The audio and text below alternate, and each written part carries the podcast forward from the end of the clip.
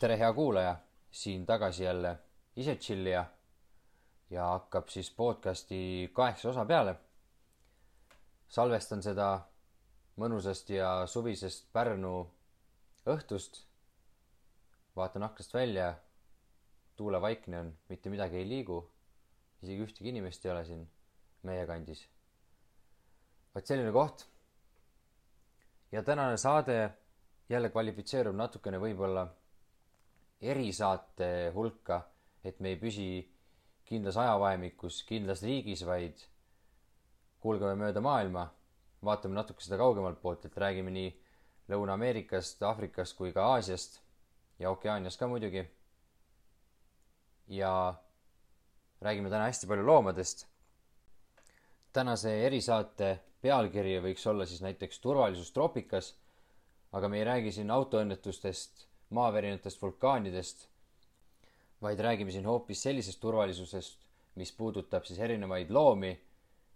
ma tean, et paljud inimesed ei julge või pelgavad minna troopikasse, kas või randa, metsa või ookeanisse ujuma, sest seal on igasugused mürgised maod, ämblikud, skorpionid, haid, krokodillid ja kõik muu selline.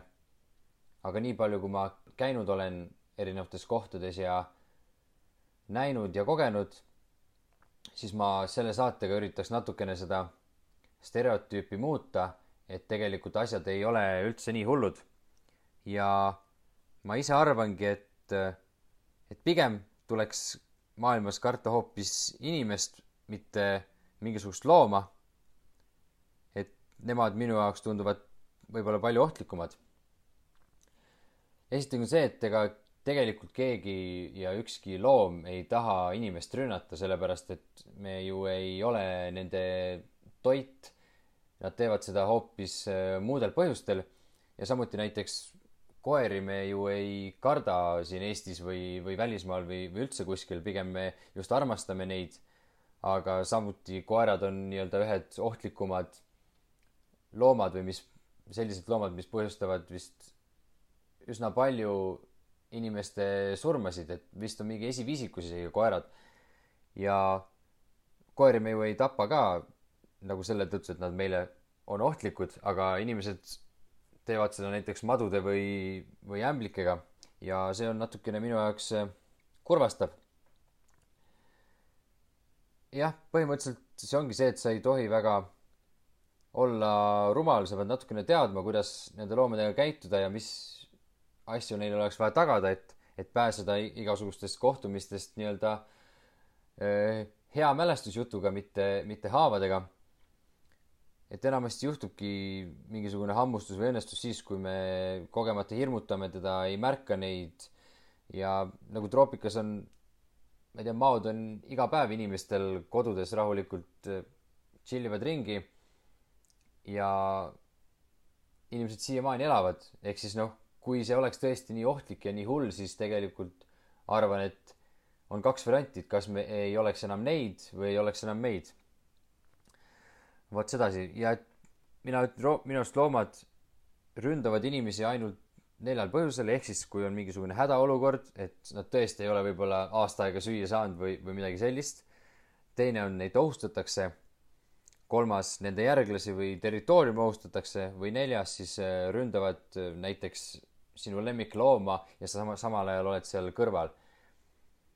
kui neid olukordi suudate vältida, siis ei tohiks, ma usun, mingisuguseid probleeme väga tekkida. ja kui te küsite niisuguse mürgi kohta, siis paljudel loomadel on mürk ja need on erinevad viisid, kuidas need mürgid näiteks äh, toimivad ja tehakse, näiteks inglise keeles on väga suur vahe on, on, on poisonous loomad ja on venomous loomad. ehk siis venomous loomad on need loomad, kes suudavad enda mürki siis ise toota. Nendeks on näiteks äh, maod, äh, ämblikud, skorpionid ja, ja mõned seal veel, näiteks isegi mõned imetajad, näiteks loori või nokkloom. ja poisonous loomad on siis need, kes saavad siis äh, selle mürgi kuskilt mujalt, näiteks mingisugustest putukatest või taimedest, keda nad söövad. Nendeks sellisteks on näiteks heaks näiteks noolemürgi konnad ja ei ole sellist asja üheselt defineeritav, et mis loom on maailma kõige mürgisem, sellepärast et erinevatele liikidele mõjub see mürk palju erinevalt, et enamasti see mürk on siis mõeldud äh, saaklooma jaoks ja näiteks hiirele mõjub mingisuguse maomürk hoopis teistmoodi, kui ta mõjuks näiteks äh, koerale või inimesele ja, ja need minu arust, nii palju kui ma tean, siis maod peaks tegelikult saama ka valida, millise doosi nad nii-öelda sellesse saaklooma või siis äh, nende ründajasse süstivad. ehk siis ei, ei ole nii, et kogu aeg läheb see terve mürgisaldo, mis neil on, välja. et see oleneb hästi palju, et selle mürgise, mürgisuse kogusest näiteks emane isend süstib hoopis teisel hulgal mürki kui näiteks isane isend, sama, samuti noor või vana isend ja see kõik on erinev ja mürk tegelikult on kõikidele loomadele ka nagu kuluallikas või just nendele loomadele, kes siis ise seda toodavad. ehk siis see hetk, kui ta nii-öelda süstib mürki, siis ta peab seda jälle uuesti tootma hakkama, nii et see inimese hammustamine talle on tegelikult hoopis kulu. sest te tegelikult väga palju ta sellest ei võida, kui ainult seda, et, et sa jooksed minema ja ei tapa teda näiteks ära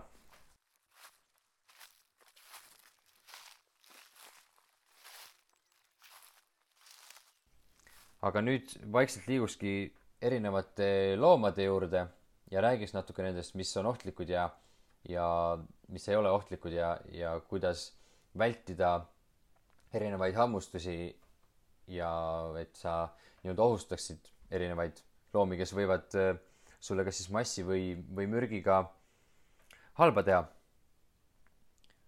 kui ma siin enne rääkisin, et keegi ei taha inimest rünnata, et me ei ole nende toit, siis ühe asja ma nagu unustasin ära.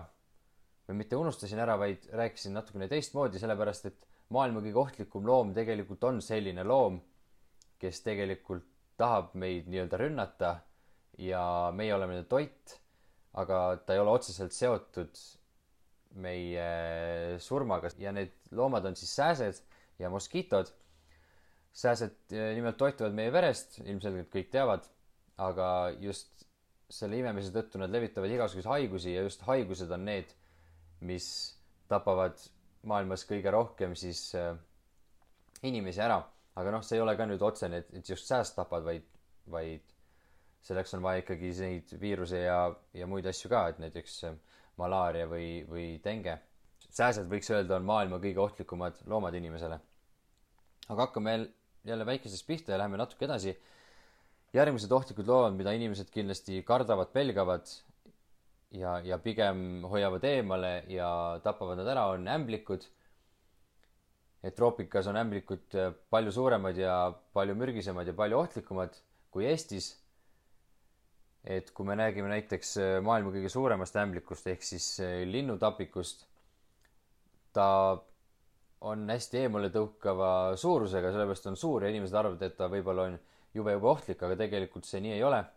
nimelt äh, tema mürk inimesele põhimõtteliselt ei tee midagi, et võib-olla hakkab natukene punetama ja on valus, aga see on ka kõik, et tema, tal on küll umbes sentimeetrised lõuad, aga sellega, nendega ta suudab ainult tekitada väikse haava su kehasse ja tema hammustus siis võrreldakse umbes äh, herilase hammustusega, et, et midagi hullu ei ole. no eks muidugi on see oht ka alati, et kui inimesel on mingisugune allergia või, või ta tervis on üldiselt nõrk, et siis, siis see võib rohkem kurja teha, aga, aga pigem neid ei tasuks niimoodi väga hullult karta ja hoida rahulikult distantsi ja siis ta saab rahulikult ära minna, kui tal vaja on ja, ja saate teiega ära minna. aga see on võimas vaatepilt. kindlasti teda näha üldse. aga kui me räägime mürgistest ämblikest, siis siis need võivad inimesele põhjustada kindlasti ka tüsistusi, aga ega neid nüüd nii palju ka ei ole ja ega nad samuti ei, ei tule sind kohe ründama, kui sind näevad, näiteks äh, Lõuna-Ameerikas ja, ja seal Prantsuse Guajanas samuti on selline ämblik nagu banana spider või Brazilian wandering spider. ta on palju väiksem kui see linnutapik, ma arvan, et äh, ta võib kasvada koos jalgadega umbes kümne sentimeetri pikkuseks, aga keha on tal pigem väiksemapoolne aga see hammustus ja see mürk on just hästi-hästi tugev, et, et see võib tekitada mingisugust peavalu, higistamist, oksendamist ja isegi meesterahvastel võib olla selline, et, et võib kesta pikaajaline valulik erektsioon tema tagajärjel. aga mina ei tea ühtegi inimest, kes oleks temalt hammustuse saanud ja muidugi on olemas tänapäeval ka erinevad vastumürgid, et kui, kui midagi peaks juhtuma ja ei ole kindel, kes sind hammustas või kas hammustas sind see või teine, siis alati tasuks minna kontrollima ja, ja saab sellest rahulikult äh, lahti. siis järgmised väiksemad ämblikulaadsed, keda ka inimesed väga palju kardavad, on skorpionid. Neid on ka troopikas meeletult, meeletult palju liike, aga reaalselt neid liike on võib-olla mingi käputäis, kes reaalselt suudavad omada sellist mürki, mis inimesele ka midagi teeks, et kõige ohtlikum peaks olema mingisugune väike pruunikas, kollakas, niisugune kõrbeliiva värvi skorpion. ta ei ole üldse suur, aga just oma selle suuruse ta korvab siis tugeva mürgiga. et see loom on tõesti võimeline ka inimesi äh, täis ilma saatma. seda väga tihti ei juhtu, no ma muidugi siin saates mingit statistikat ei loe, vaid, vaid lihtsalt natukene räägin ja arutlen. et jah, et teda tuleks vältida, aga samuti noh kui sa seal kõrbes oled, siis sa ka ikkagi vaatad oma hommikul oma saapa sisse, et seal kedagi ei oleks ja, ja kontrollid oma taskud ja riided üle. näiteks Prantsuse Guajanas äh, minu ajal ei toimunud, aga see oli umbes kaks aastat pärast seda. üks turist meil tuli sinna lotsi ja siis ta pani jalga oma püksid ja seal pükste sees oli äh, Prantsuse Guajana üks mürgine skorpion, kes siis teda salvas aga pärast seda siis mindi haiglasse ja, ja tänapäevani elab rahulikult ja mõnusalt edasi, et mitte midagi ei juhtunud. et Prantsuse Guajanas on siis jah, kaks skorpioni, et üks nendest on siis nii-öelda see natukene ohtlikum või natukene mürgisem. ja skorpionidel on hästi mitte hea, aga suhteliselt nagu võib eeldada, et kui skorpion on hästi suured sõrad, siis tegelikult ta mürk, kui on, on hästi nõrk aga samuti, kui tal on siuksed hästi peenikesed sõrad, siis tegelikult need sõr-, sõrgade suuruse ja võimsuse korvab siis see, see mürk just oma, oma saaklooma püüdes. et kui järgmine kord leiate mingi skorpioni kuskilt, siis vaadake, et kas tal on siis need suure, suuremad sõrad ja laiemad sõrad või siis väiksemad, et selle järgi võib natukene eeldada, et kas tegu on siis mürgise skorpioniga või mitte. Lähme natukene suuremaks, lähme nüüd kahepaiksete juurde. kindlasti inimesed teavad, et mõned konnad on ka mürgised. jah, tõesti nii on, meie kärnkonnad isegi on natuke generitavad mingisugust toksiini, et äh, päris äh, nagu võib-olla vahepeal mõnel inimesel käed hakkavad pärast sügelema, kui ta on kärnkonna kätte võtnud. kõige hullemad või noh, mitte hullemad, see on vale sõna. kõige mürgisemad konnad, paljud võib-olla on näinud ja kuulnud ka, on kõige ilusamad konnad, ütleks mina. Need on siis äh, koondnimega noolemürgikonnad, kes on siis hästi-hästi erksalt äh, värvunud, punased, kollased, äh, sinised äh, tribud, täpid ja, ja igasugused muud ornamendid ja just see värvus peakski siis röövloomi eemale peletama, et kuule, et ära mina, mind söö, mul on palju mürki ja, ja võin sind vigastada hoopis ise. enamustel noolemürgikonnadel on see, et see nii-öelda see kehalima, mis on siis toksiine täis see peab sattuma sinu vereringesse, alles siis see mürk nagu toimib, et kui sul käe peal ühtegi haava ei ole, siis tegelikult sa teoorias tohiksid äh, selle konnakesega kätte võtta, aga noh, rumal ei tohi olla, ei ole mõtet riskida, nii et pigem vaata teda kaugelt ja tee üks ilus pilt, sest et need värvid on kindlasti meeletult, äh, meeletult kaunid, aga mõned konnad on, on nii ka mürgised, et põhimõtteliselt isegi kui sa teda korra puutud, et siis see mürk hakkab mõjuma ja on väga-väga äh, ohtlik ja üks tore lugu teiste konnadega, nimelt rookonnadega, need on kõige suuremad äh, kärnkonnad maailmas. Neid elab ka seal Lõuna-Ameerikas ja Prantsuse Guajanas.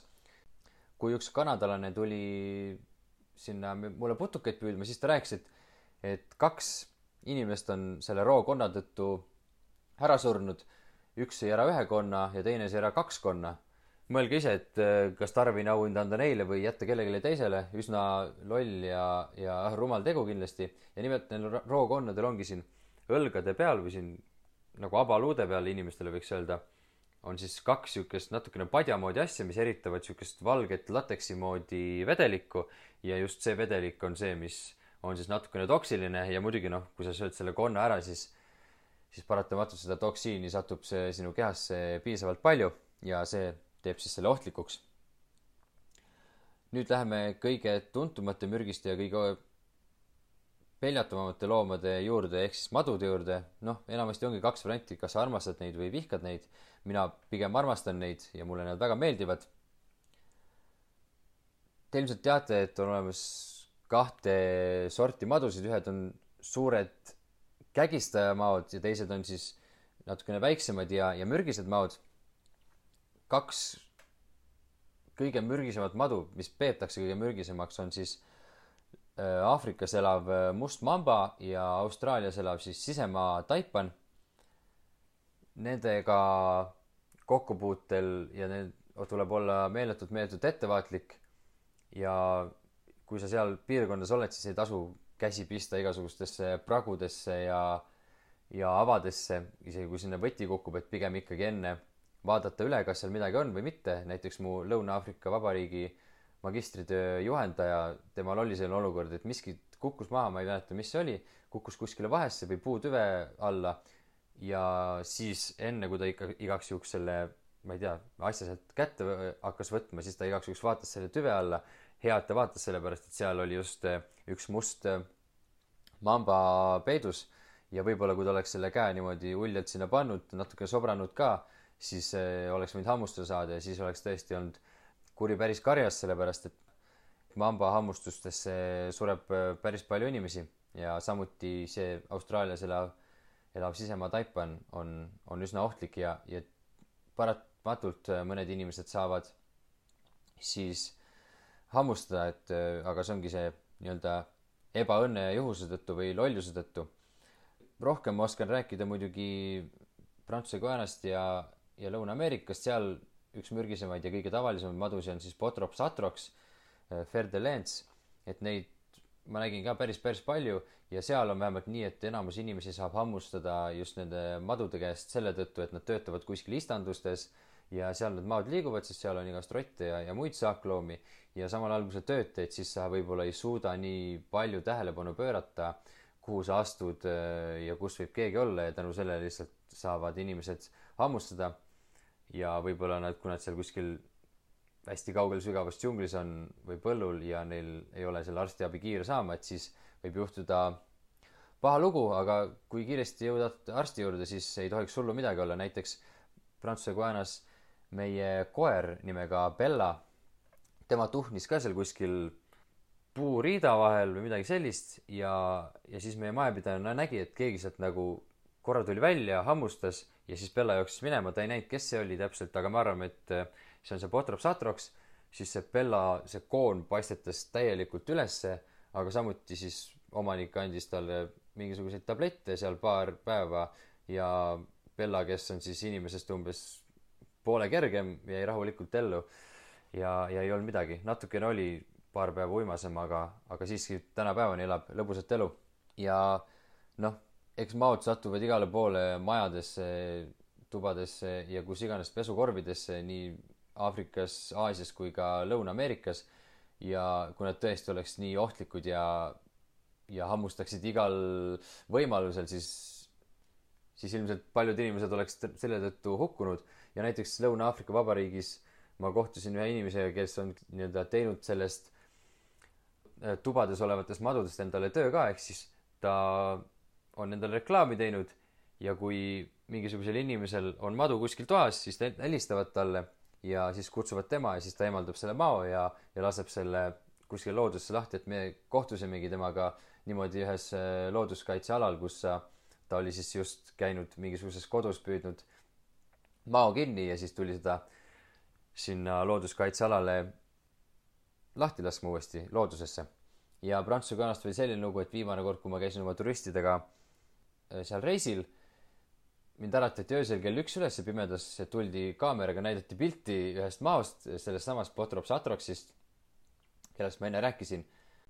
ja lugu oli siis selline, et, et üks minu äh, klient oli siis läinud öösel tualetti, teinud oma asja ära, tulnud seal rahulikult välja ja pärast seda läks ta abikaasa siis äh, samuti tualetti ja samal ajal, kui ta seal tualetis on, siis ta märkab ühte kerasvoolikut umbes sellest tualetipotist umbes poole meetri kaugusel.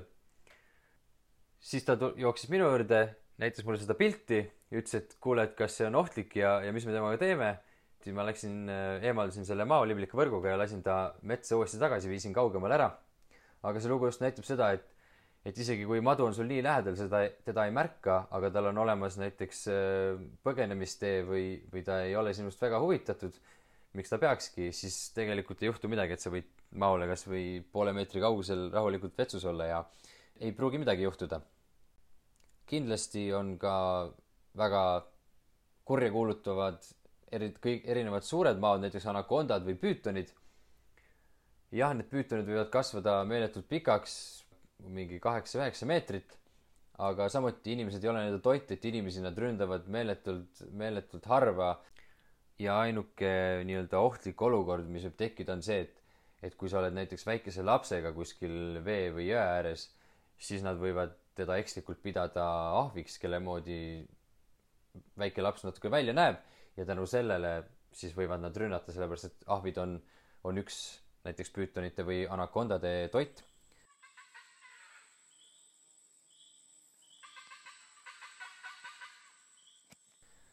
nüüd räägime natukene suurematest roomarajatest eh, ehk siis krokodillilistest. krokodille on ka muidugi hästi-hästi palju liike.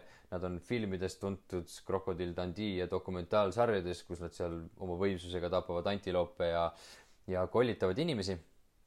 aga tegelikult on samuti mingi käputäis, vist seitse liiki peaks olema sellised, kes on võimelised kasvama nii suureks, et suudavad inimese ära tappa neli nendest on näiteks äh, Lõuna-Ameerikas elav mustkaiman, siis äh, Austraalia Okeaania piirkonnas elav saltwater krokodill, äh, Aafrikas elav niiluse krokodill ja samuti siis Põhja-Ameerikas elav Ameerika alligaator, need on kõige suuremad, need krokodillilised ja nende suuruse tõttu on nad siis võimelised inimesed ründama ja neile ka viga tegema. aga noh, jällegi samuti see juhtub haru-haru harva just nendel alguses räägitud põhjustel, et kui me teda väga-väga ohustame või, või teeme talle muud kurja. inimestele muidugi tunduvad ohtlikud ka suured äh, kiskjad, näiteks lõvi, tiiger, leopard, jaaguar ja, ja kõik sellised. aga noh, ne-, nemad pigem on väga-väga arglikud loomad ja ja hea, kui sa isegi safaril neid näed, et pigem nad hoiavad inimestest väga-väga kaugele eemale ja tänu sellele on see kokkupuude ja, ja ründamiste arv ka meeletult, meeletult väike. kui me räägime Lõuna-Ameerikast jälle, siis seal on kaks suurt kiskjat, on olemas jaaguar ja on olemas puuma. ja puumaga on selline lugu, et puumat peetakse ohtlikumaks kui jaaguar, et jaaguar pigem on inimestest ja asustustest väga-väga kaugel. mina pole teda kordagi veel näinud kahjuks. ja puumat ka ei ole, aga puumat peetakse natukene ohtlikumaks, et tema tuleb rohkem nagu inimeste lähedale ja teda ilmselt peaks olema arvuliselt ka rohkem. ja üks lugu Prantsuse kaelast on selline, et meie kõrval kämping umbes kahe kilomeetri kaugusel, seal üks öösel vanemad või need omanikud magasid seal rahulikult, koer oli ka samamoodi nende toas ja ärkavad hullu kisa, kära ja kraaklemise peale ülesse. ja siis vaat-, ärkavad ülesse, panevad tule põlema ja siis näevad, et üks puuma jookseb nende koeraga voodi alt välja niimoodi, et see koer on siis puuma lõugade vahel. ilmselt päris rets äh, vaatepilt, aga tõestab jälle seda, et puuma pigem ründab väiksemaid loomi ja suured kassid üldse, mitte inimesi ja isegi Aafrika kõige ohtlikumaks loomaks ei peeta hoopis mitte kiskjat, vaid siukse armsa ja nunnu välimuse ja mainega looma, nagu on jõehobu. aga mis teeb jõehobu just väga-väga ohtlikuks, on selle tõttu, et jõehobu on meeletult territoriaalne, ehk siis ta kaitseb oma territooriume, kaitseb äh, oma järglasi, kui sa satud jõehobu ja tema järglase vahele, siis hoia piipeprillid ja ürita sealt meeletult kiiresti minema minna. teiseks, tal on mega-mega suured hambad, ta lõuad võivad käia sada viiskümmend kraadi lahti ja nad on samuti väga kiired nii, nii vees kui ka maapinnal. ja kui ma Lõuna-Aafrika Vabariigis olin, siis ma käisin ühes väikses külas, kus siis korraldati ka jõesafareid ja tavalisi safareid ja seal jões oli siis hästi-hästi palju jõehobusid, nad olid väga armsad päeval seal vaadates, aga igal pool linnas olid siis hoiatavad sildid, põhimõtteliselt tihedamini nagu Anna teed märk olid sildid, et hoidu palun jõehobude eest ja et ära öösel üksi jalutama mine ja ära öösel üldse pigem jalutama mine, et sõida autoga. et jõehobud siis ööseks tulid siis linnatänavatele rahulikult kakerdama. et kui me ühe tuttavaga käisime öösel madusi otsimas, siis me nägime ikkagi kahte-kolme jõehobu seal linnatänavatel rahulikult äh, ringi liikumas ja uudistamas. vot selline tore lugu nendega Aafrikas. Aafrikasse jääme veel, räägime korraga pühvlist. pühvel on samuti hästi-hästi kiire ja hästi-hästi võimas loom, aga ta ei ole nii territoriaalne kui jõehobu, aga, aga lihtsalt ongi, et kui ähvardad teda või seisad samuti ta järglase vahel, siis võib tekkida igasuguseid jamasid.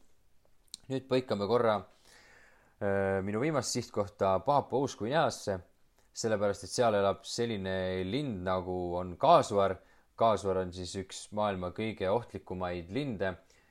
ta on lennuvõimetu, kahe meetri kõrgune, peas väikse siukse kiivriga võimas ja, ja äge lind. Tema ohtlikkus siis tuleneb sellest, et ta on džunglis hästi-hästi kiire, tal on ise hästi-hästi suur, tal on tugev nokk ja tal on varbad nagu kolmhargid, mille otsas on küünised ja millega ta siis suudab päris kõvasti sind nii-öelda pussitada isegi. ja ainuke võimalus, kus tema eest siis ära pääseda, on siis eh, ronida puu otsa, sellepärast et ta on lennuvõimetu, sinna ta ei saa tulla. aga vaadake, et eh, ronite siis üle ühe ja poole meetri, sellepärast et nii kõrgele nad teoreetiliselt võivad ka hüpata. suure kuulsusega või kurikuulsusega on ka veeloomad ja esimesteks muidugi kõik teada-tuntud haid, nendest on ka samuti hästi palju filme tehtud ja hästi palju dokumentaale, kõik on näinud, kuidas nad äh, surfaritel jalgu ära tõmbavad ja, ja kõike sellist. aga samuti nagu krokodillidega ja, ja muude loomadega, et neid on hästi-hästi palju liike, aga hästi vähe liike on võimelised inimest ründama ja ründavadki inimest. surfaritega vahepeal juhtub õnnetusi, aga see ei ole päris nii, nagu kõik tunduvad, et nad tahavad inimesi ära süüa, et see on nende toit. tegelikult nad söövad hoopis hülgeid ja kalu, aga nad ei ole väga taibukad.